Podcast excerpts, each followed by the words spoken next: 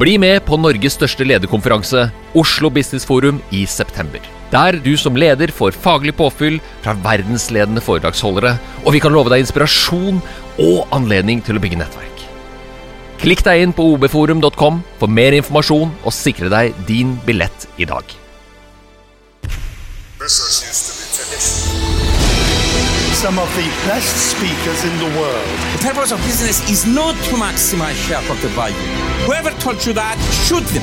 It brings together so many people and creates this high energy environment. Powerful speakers, powerful audience.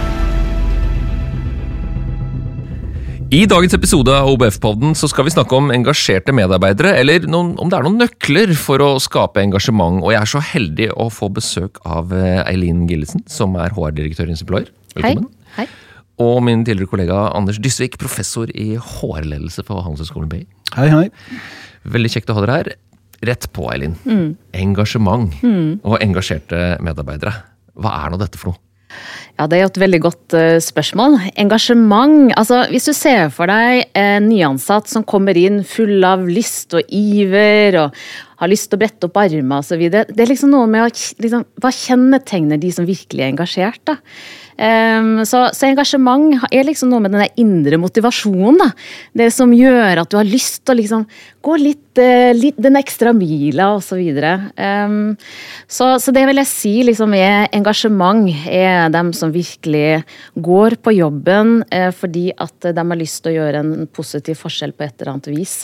Eh, og gjør det med liksom lyst eh, og en driv eh, rundt det. Og det er det vi skal finne ut av i dag. og du, Her blir det knagget på motivasjon med en gang. Er det, er det det samme du ville gjort, Anders?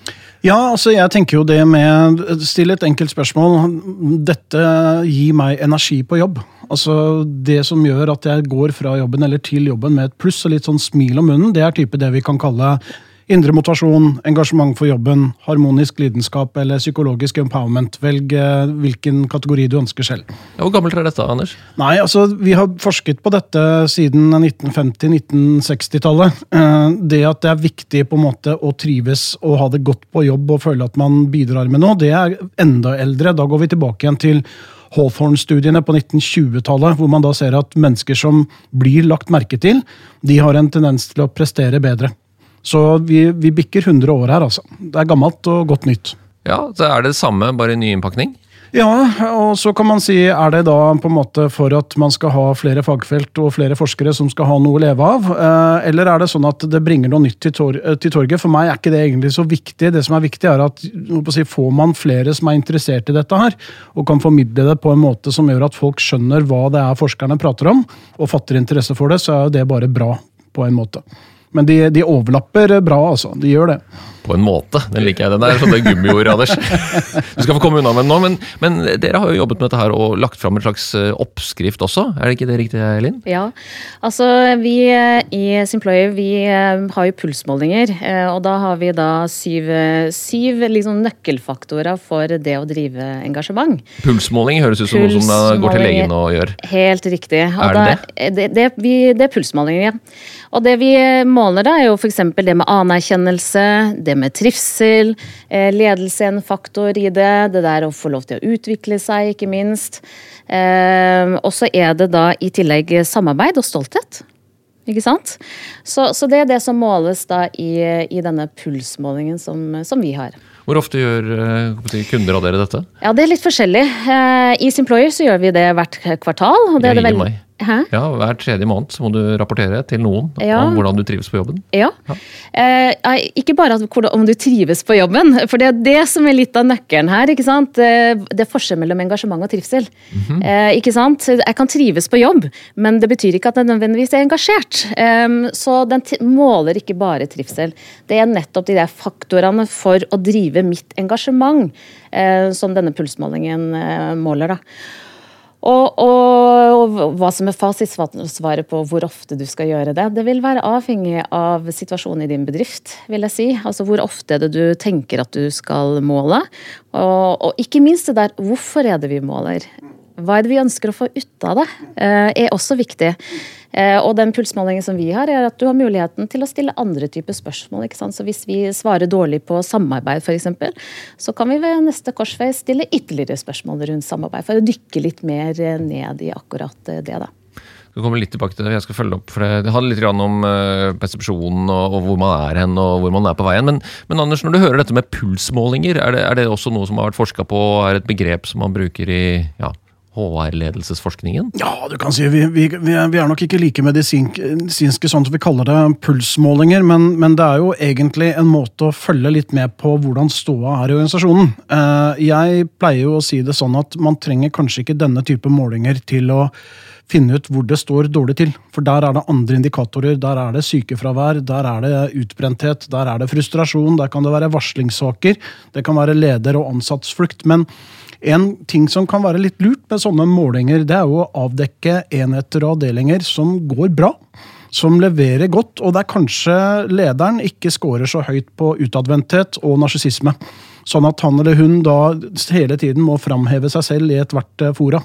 Det er vel noe av den forskningen nå som framkommer etter pandemien, som tyder på at de som er litt mer introverte, de er nå mer fornøyd med jobben sin enn det de var før pandemien. fordi gjennom at en del av relasjonen har blitt skal vi si, strukturert og digitalisert, så har de fått mer hyppig kontakt med ledere enn det de hadde før. Så et lite sånn NB til eh, de som lytter nå og har ansvar for flere enn seg selv. Det er viktig at ikke bare de som håper å si, roper høyest og oftest kommer inn døra, får lederens solskinn. altså Det må spres litt på alle. Mm. Takk, ja, ja. ja, for jeg tenker også det der ikke sant, med engasjement. da, fordi at Det er veldig lett å tenke at de som er engasjert, er ekstroverte. Og det er jo helt feil. Så det er et utrolig godt poeng du har det der, at eh, vi har både introverte og ekstroverte. Du kan være engasjert selv om du er introvert. Det er bare at du gjør det på en annen måte ja. enn de som er ekstroverte.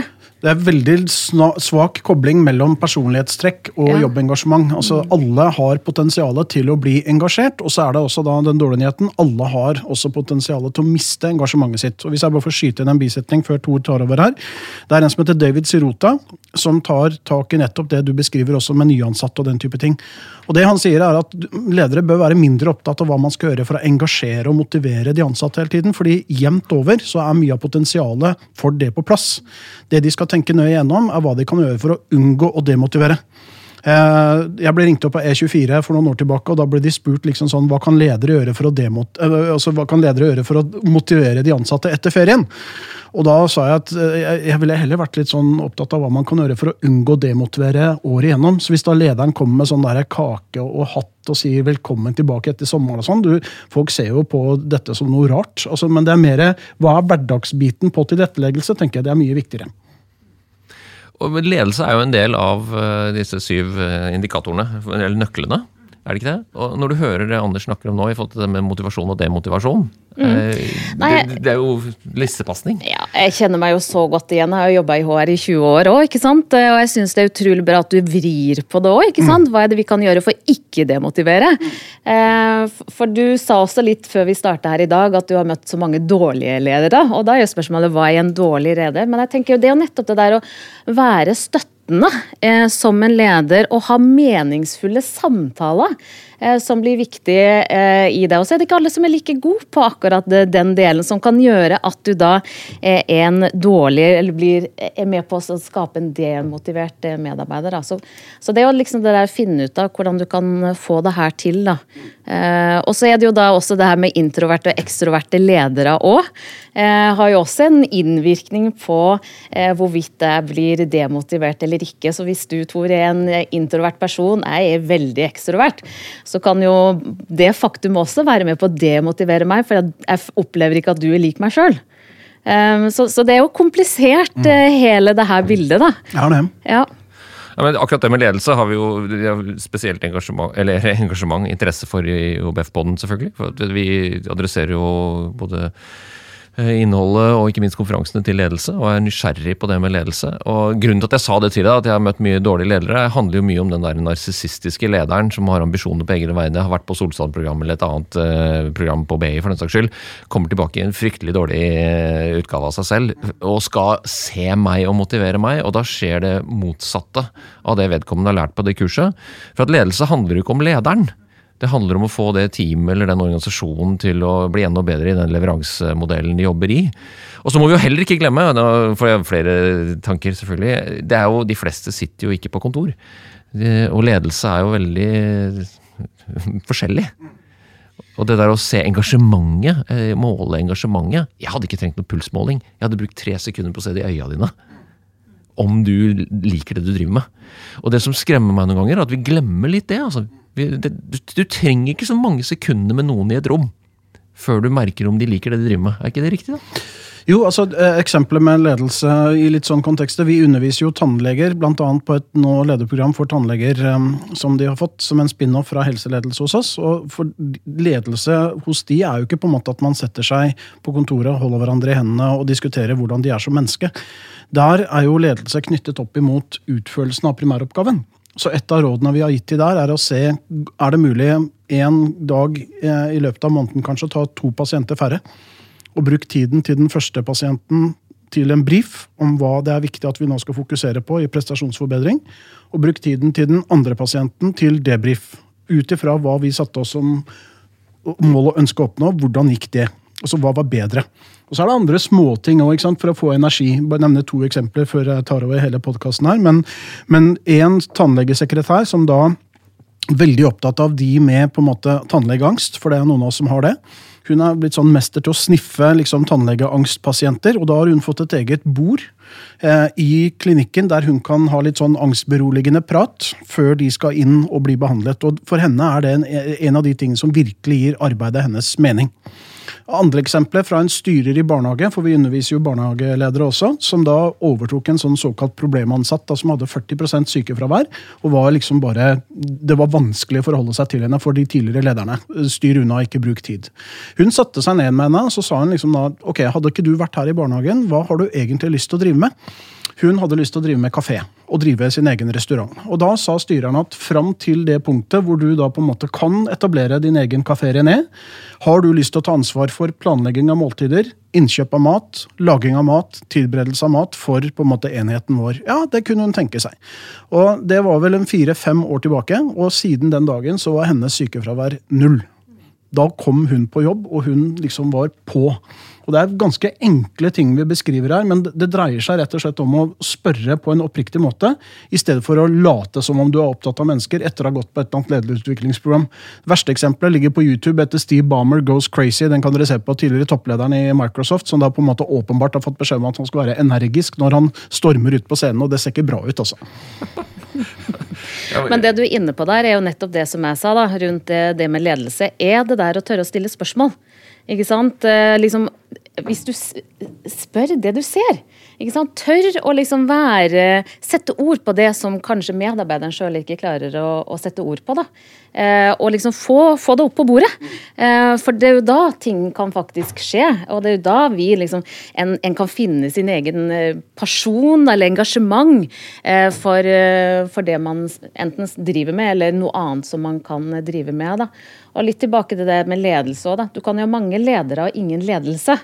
Så, så hva er ledelse òg, da? Eh, er jo også et eh, betimelig spørsmål i så måte, da. Fra lærerverden, som jeg kjenner godt, da, så er jo det, du må jo få, få de til å reflektere. Den som skal ha lært noe. Og det er jo læreren som som regel lærer mest. Ikke sant, Anders? Ja, visst er det det. For du får en annen type tilbakemelding også på den lærerrollen din. Hvis du lytter. Ja. Og det tror jeg noen ganger at de her ledertreningskursene Nå skal ikke jeg sable ned alle, for det er klart det er jo det er mye refleksjon i det å bli, bli bevisst rollen sin.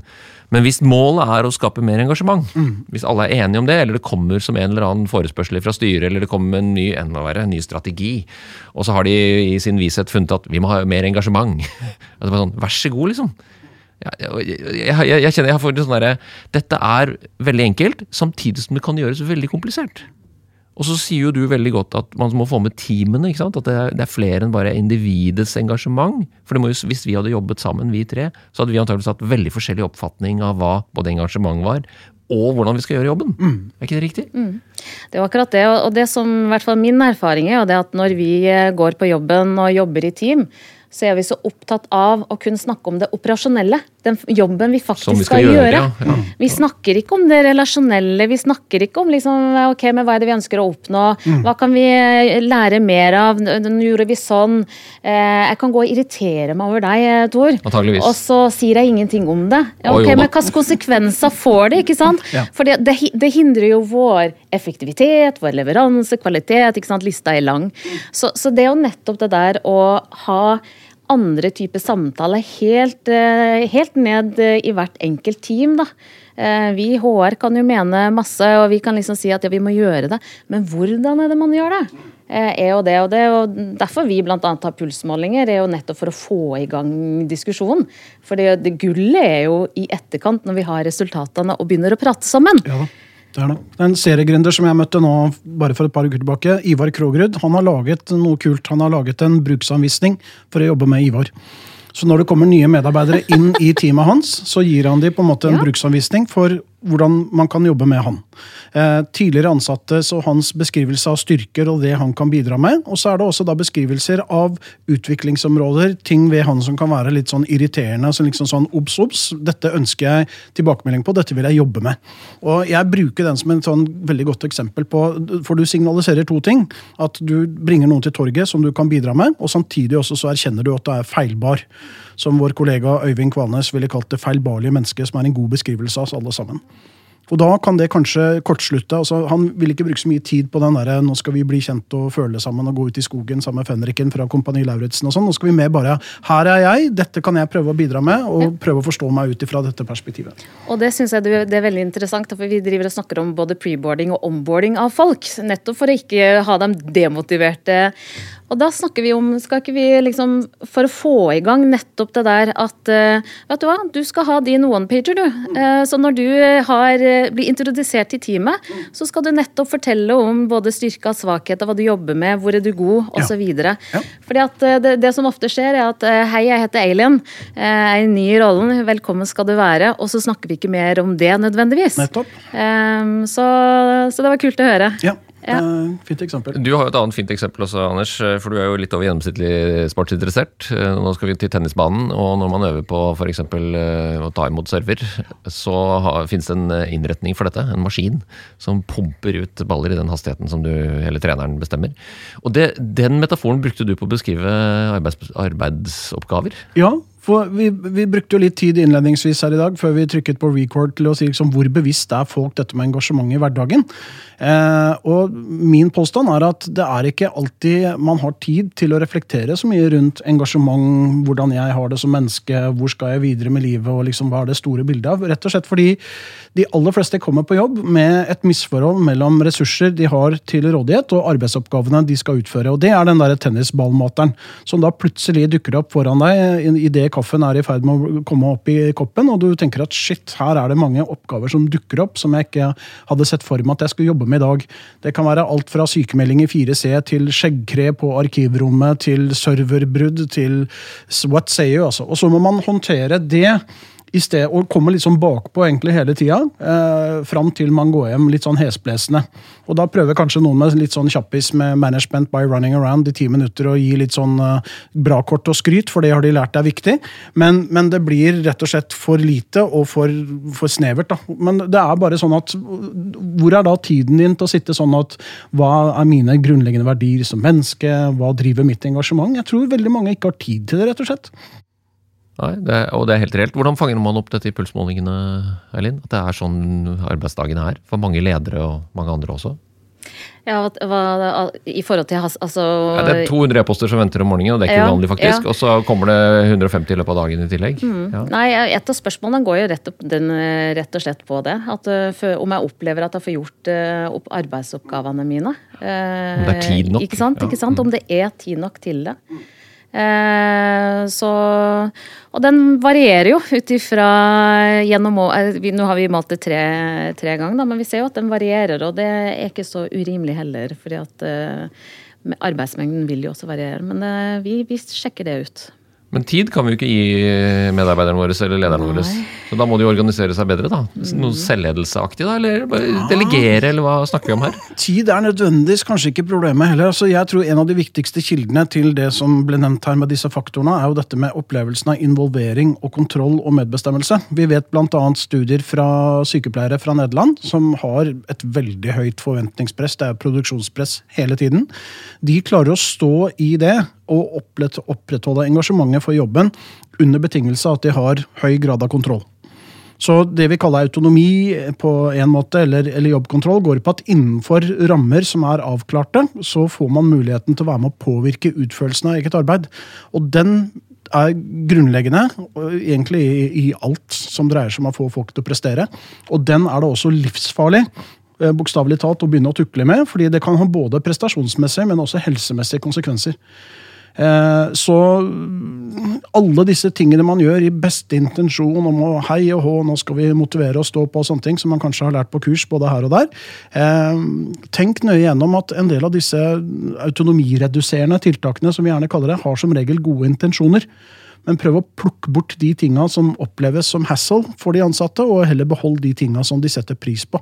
Og Da er det lurt å spørre dem, altså. Er, og de vil som regel kunne svare hvis de blir spurt òg. Jeg bruker jo også å si det her at vi ansetter jo voksne mennesker.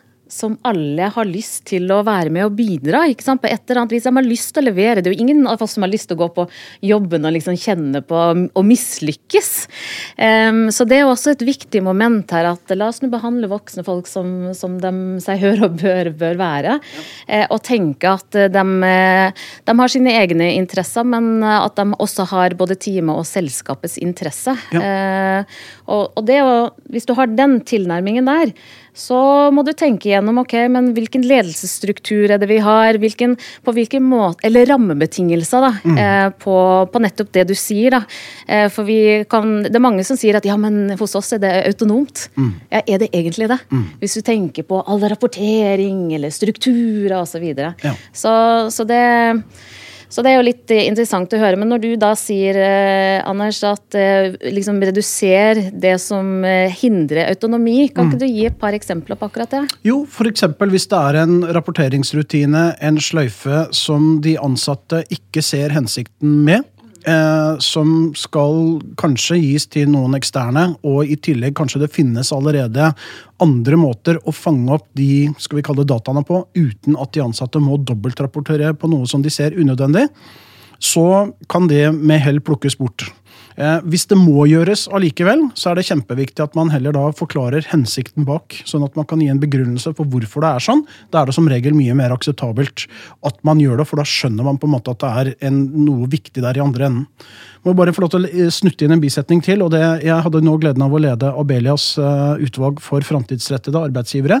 og En av de tingene vi slår et slag for der, det er mer livslang arbeidsliv. Altså det at vi får nå lagt forholdene til rette for at de, de som er voksne, kan stå lenger i jobb. Og det er helt nødvendig med tanke på å få dekket behovet mellom det vi skal produsere av tjenester og de som er tilgjengelig. Det er vel 600 000 mennesker som er i yrkesaktiv alder som står utenfor arbeidslivet, og det er et for høyt tall.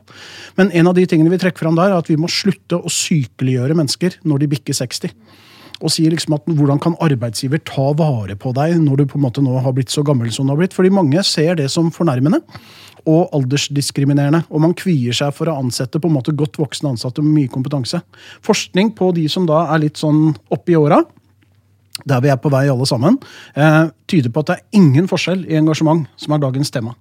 Du kan være superengasjert til du da på en måte går ut av uh, organisasjonen nærmest med beina først. Eh, det som øker med alder, det er skepsis til endring. Av kanskje naturlige årsaker, for man har vært med på en del og liksom ser at hei, der kom det tilbake i ny drakt. er akkurat balansert målstyring, det husker jeg fra 80-tallet. Eh, men engasjementet for jobben og dedikasjonen og den type ting, det er ingenting som tyder på at det minker med alder. Men det som kan gjøre at det minker, er jo nettopp den at man opplever ikke lenger å bli sett, anerkjent, investert i, ivaretatt. Så der fikk jeg banka inn det nå. Og viktig, så er- og det er jo umulig å være uenig i, selvfølgelig. Det er jo viktig, dette her. Ja, det er kjempeviktig. Og det, det, det har vært en av mine liksom, kampsaker. Sånn, I forhold til når du bikker 50, så er du plutselig ikke like attraktiv som arbeidstaker. Fordi at de som kommer inn yngre, de er jo så mye smartere, de er så mye på, mer på osv. Og, så og det bekymrer meg jo oppriktig. Så, så jeg er jo veldig glad for eh, at det er flere initiativ for å få frem nettopp det der at uavhengig av alder, så er vi engasjert. Ehm,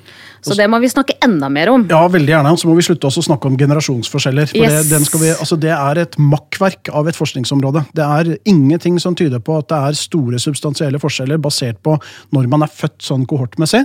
Vi snakker heller om aldersstegseffekter. altså på en måte at Du er opptatt av litt ulike ting når du går gjennom livsløpet ditt. Men det ser ut til å gjenta seg på tvers av generasjoner. Og så alle, Jeg er så lei av å lese om denne nå kommer Generation Me inn i arbeidslivet. og Det er eh, rett og slett eh, veldig forskning med liten grad av kvalitet som ligger til grunn for å hevde det de gjør der. altså. Men det kan vi snakke om en annen gang. Det tror jeg vi skal. Mm. Før vi forlater eh, engasjement, hvorfor bør toppledere og styrer være opptatt av engasjement? Hvem vil begynne?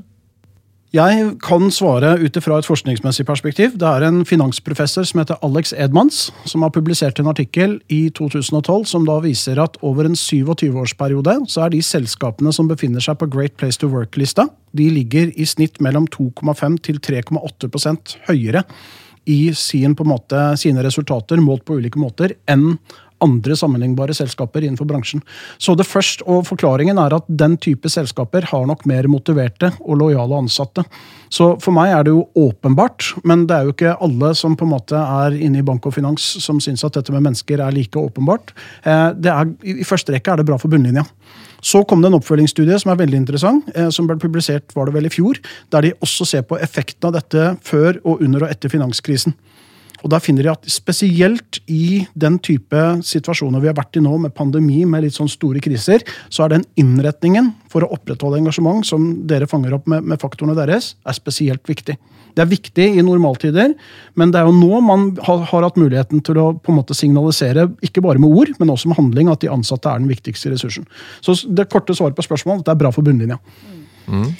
Ja, jeg tenker, og jeg har jo jobba i HR i over 20 år, eh, og det jeg ser en endring på nå, er jo nettopp det der at eh, du kan sitte i en toppledergruppe, men det er ikke bare HR som fronter viktigheten av folk. Plutselig så er det hele toppledergruppa i tillegg til styret. Mm.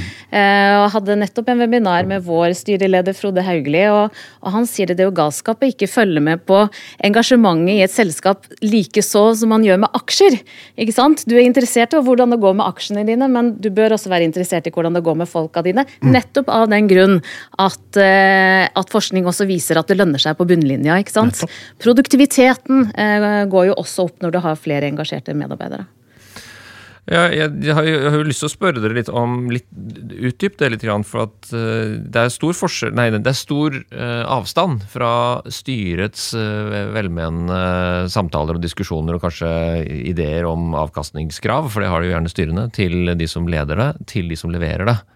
Og, så har vi en, eh, en økende kompleksitet som gjør at flere må følges opp for å for liksom nærmest skjønne sin bit i den store leveransemodellen. Hvis man ser på en organisasjon som en leveransemodell. Og så fanger dere opp, sier dere, dere fanger opp disse mm, ja, engasjementet gjennom å måle det.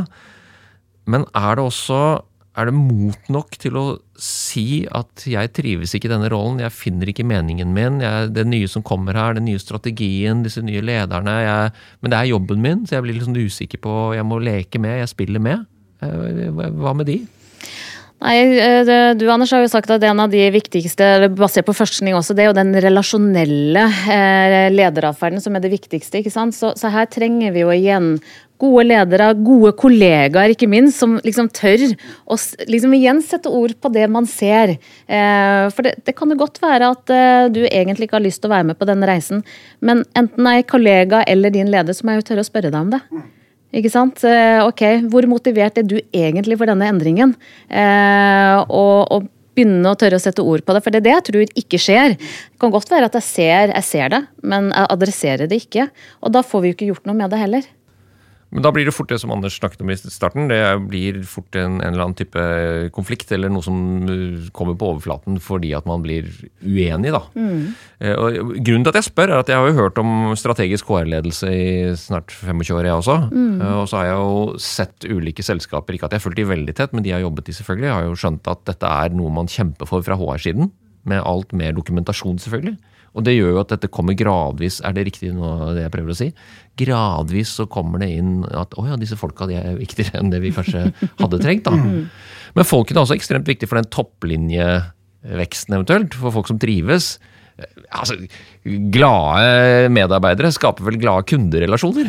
Det bør jo være så enkelt. Hvis det er et hyggelig sted å jobbe, som, som, så smitter jo det over. Ja, vi vil jo jobbe med Simployer, eller vi vil jo kjøpe kurs hos BI. For det virker som de har det så gøy. De, de er så oppdatert oppdatert og engasjert. Litt tilbake til det med forskjellen mellom trivsel og engasjert. da. Jeg vil si Ah. Engasjerte medarbeidere eh, skaper eh, fornøyde kunder. det, jeg må lære meg Ikke det. sant? Trivsel er jo en faktor innenfor om jeg er engasjert eller ikke. da.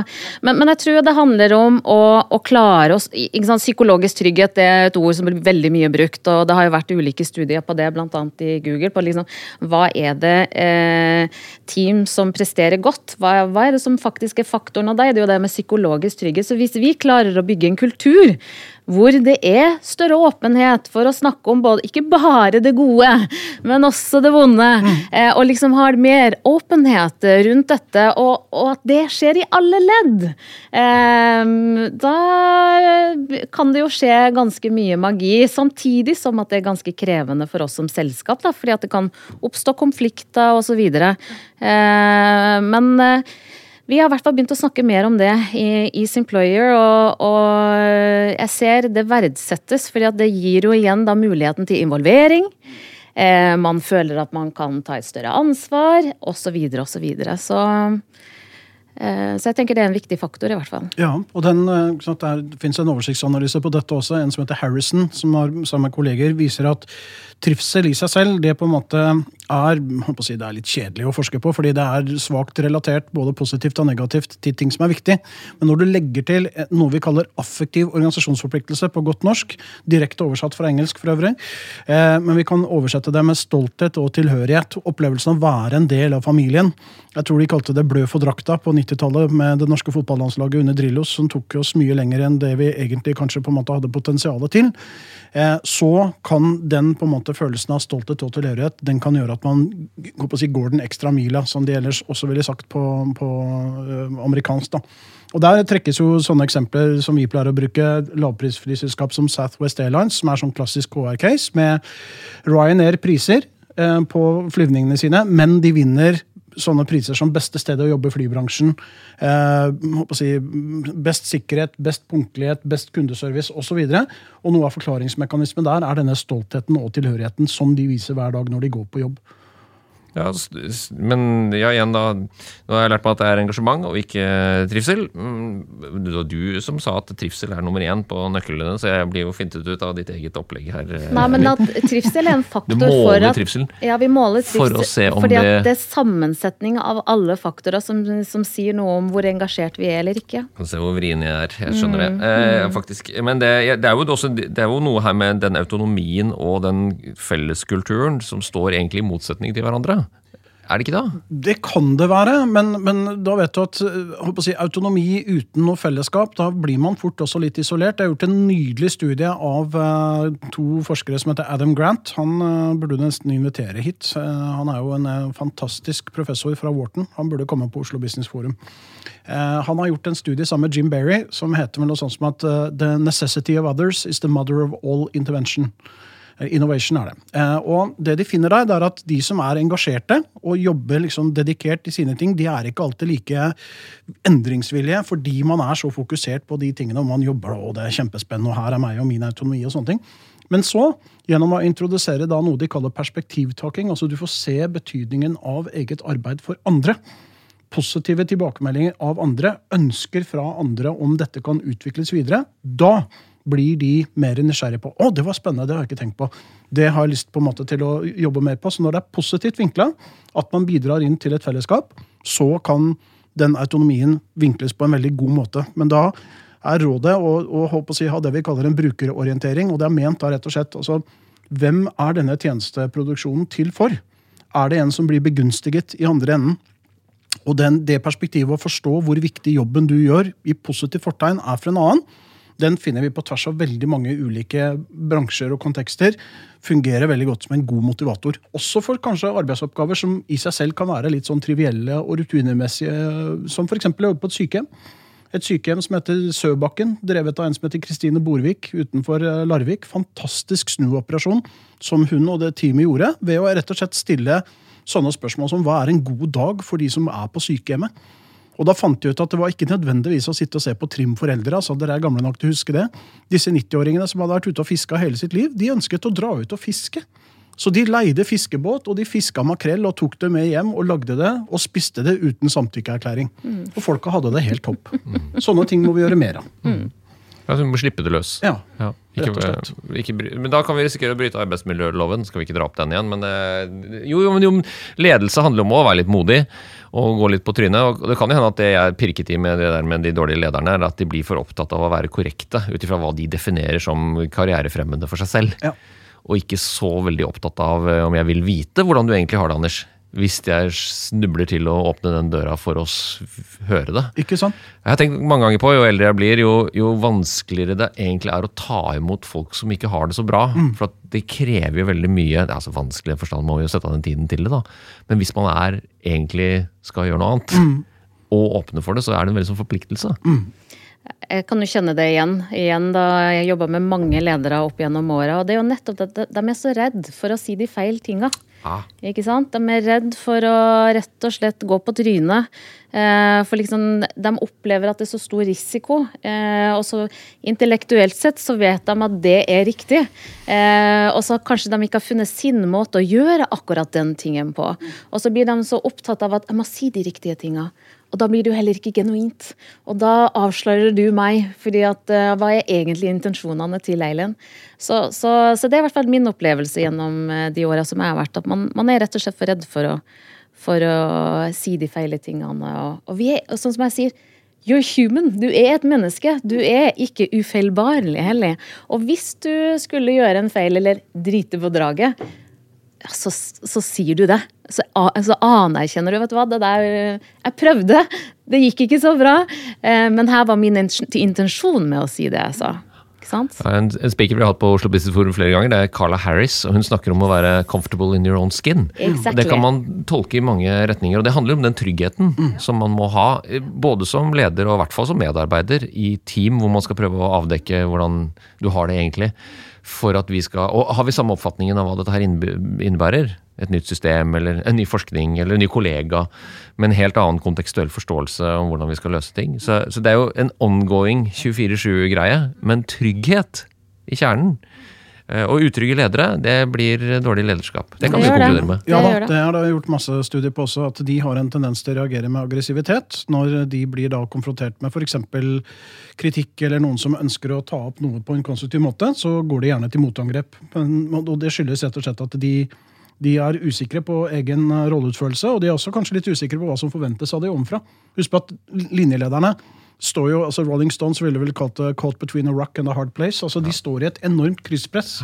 Dritten i midten, Anders. Ja, på en måte. Det, det kan du gjerne også for å gni det inn litt. Men altså sånn, eh, og det blir enda verre hvis det presset kommer fra litt sånn forskjellige steder, kanskje med HR som utgangspunkt, da, siden dere er her i dag. Da, eh, jeg har jo aldri møtt en slem person som jobber med rekruttering eller kompetanseutvikling fra HR.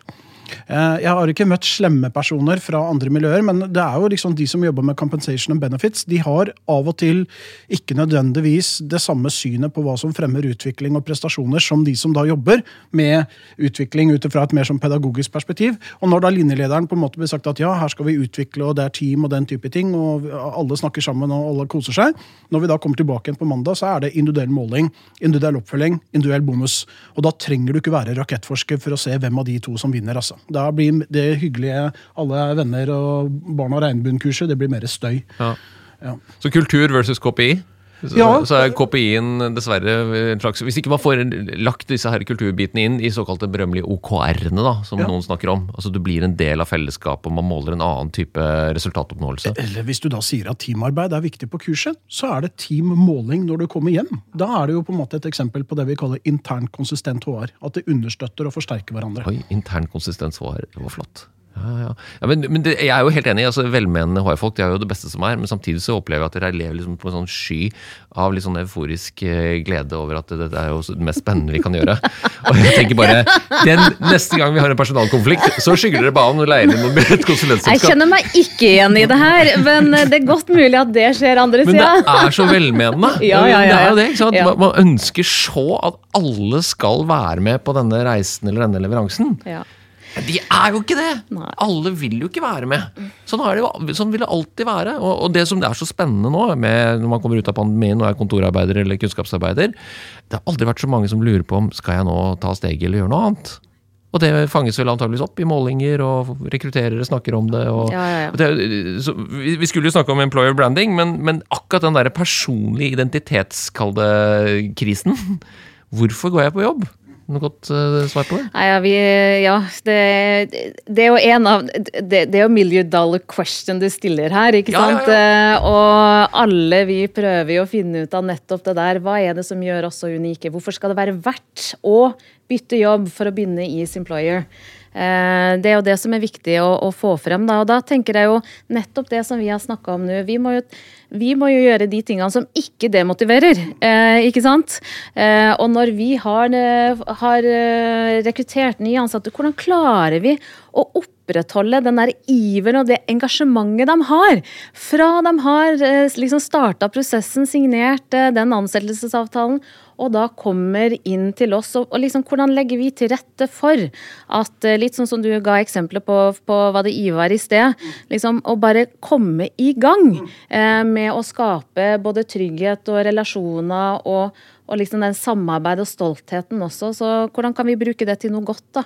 Eh, sånn at vi får liksom den driven også fra, fra de nyansatte. Så, så det er ikke enkelt. Eh, det er den første til oss å, å si i, i så måte. Men, men det er klart at vi, vi, vi må få frem igjen Det, det handler jo om storytellingen også. eh, Og ikke bare det at og storytellingen må samsvare med det som faktisk er i selskapet vårt. Og, og det er det som eh, vår da, pulsmåling hjelper oss er, jo nettopp å identifisere nettopp hva er det som gjør eh, oss så annerledes. da. Og det bruker vi aktivt da når vi skal finne nye folk. Ja, husk på at jeg tror det også er litt sånn i de tidene vi er inne i nå, at som du sår, høstemann, som jeg har lest i en bok for lenge siden, sånn at alle vil nok si at liksom de ansatte er vår viktigste ressurs, og mye av den retorikken er sånn det vi kaller forpliktelsesbasert. Men nå får vi se da hvem som har etterlevd dette her. Jeg har jo møtt begge deler i løpet av pandemien. Noen som har sagt at nå var det greit med at det kom på en måte en sånn situasjon, for da kunne man rydde litt, og så begynner man da å fostre når man ser at den pulsen den går eh, kraftig ned, eller hva det er. Mens andre da går ut dag én og sier at her blir det ikke permitteringer. Vi går med tap, men dere er min familie, og dere skal behandles deretter. Og jeg har en ganske bestemt omfatning at sannsynligheten for at de i den sistnevnte kategorien velger å bli hos den arbeidsgiveren som da har på en måte tatt en tam- Tammy Wynette, det tenker jeg den er større enn mindre. Ja, det Vi skal avslutte. Det er synd. Vi kunne holdt på hele dagen og litt til. Eh, Eileen, tusen tusen takk for eh, samtalen og jobben dere gjør. Og vi som blir nysgjerrige på Simployer sitt, eh, sine syv nøkler og dette med et kjærlighetsforhold og lojalitet og lyst, sjekk ut eh, hva dere driver med. Eh, og pulsmåling, ikke glem det. Yes. Eh, Anders, takk for eh, innsiktsfull historiefortelling og forskningsdropping. Og vi har notert med Adam Grant. Skal sjekke ut Nydelig. det. Ja. Ja. Takk til begge to. Ha en strålende hva heter det, eh, engasjert dag. Takk. Takk i like måte. Hvis du likte denne podkasten, hadde vi satt utrolig stor pris på om du abonnerte og gir oss en tilbakemelding i avspilleren. Some of the best speakers in the world. The purpose of business is not to maximize shareholder value. Whoever told you that, shoot them. It brings together so many people and creates this high energy environment. Powerful speakers, powerful audience.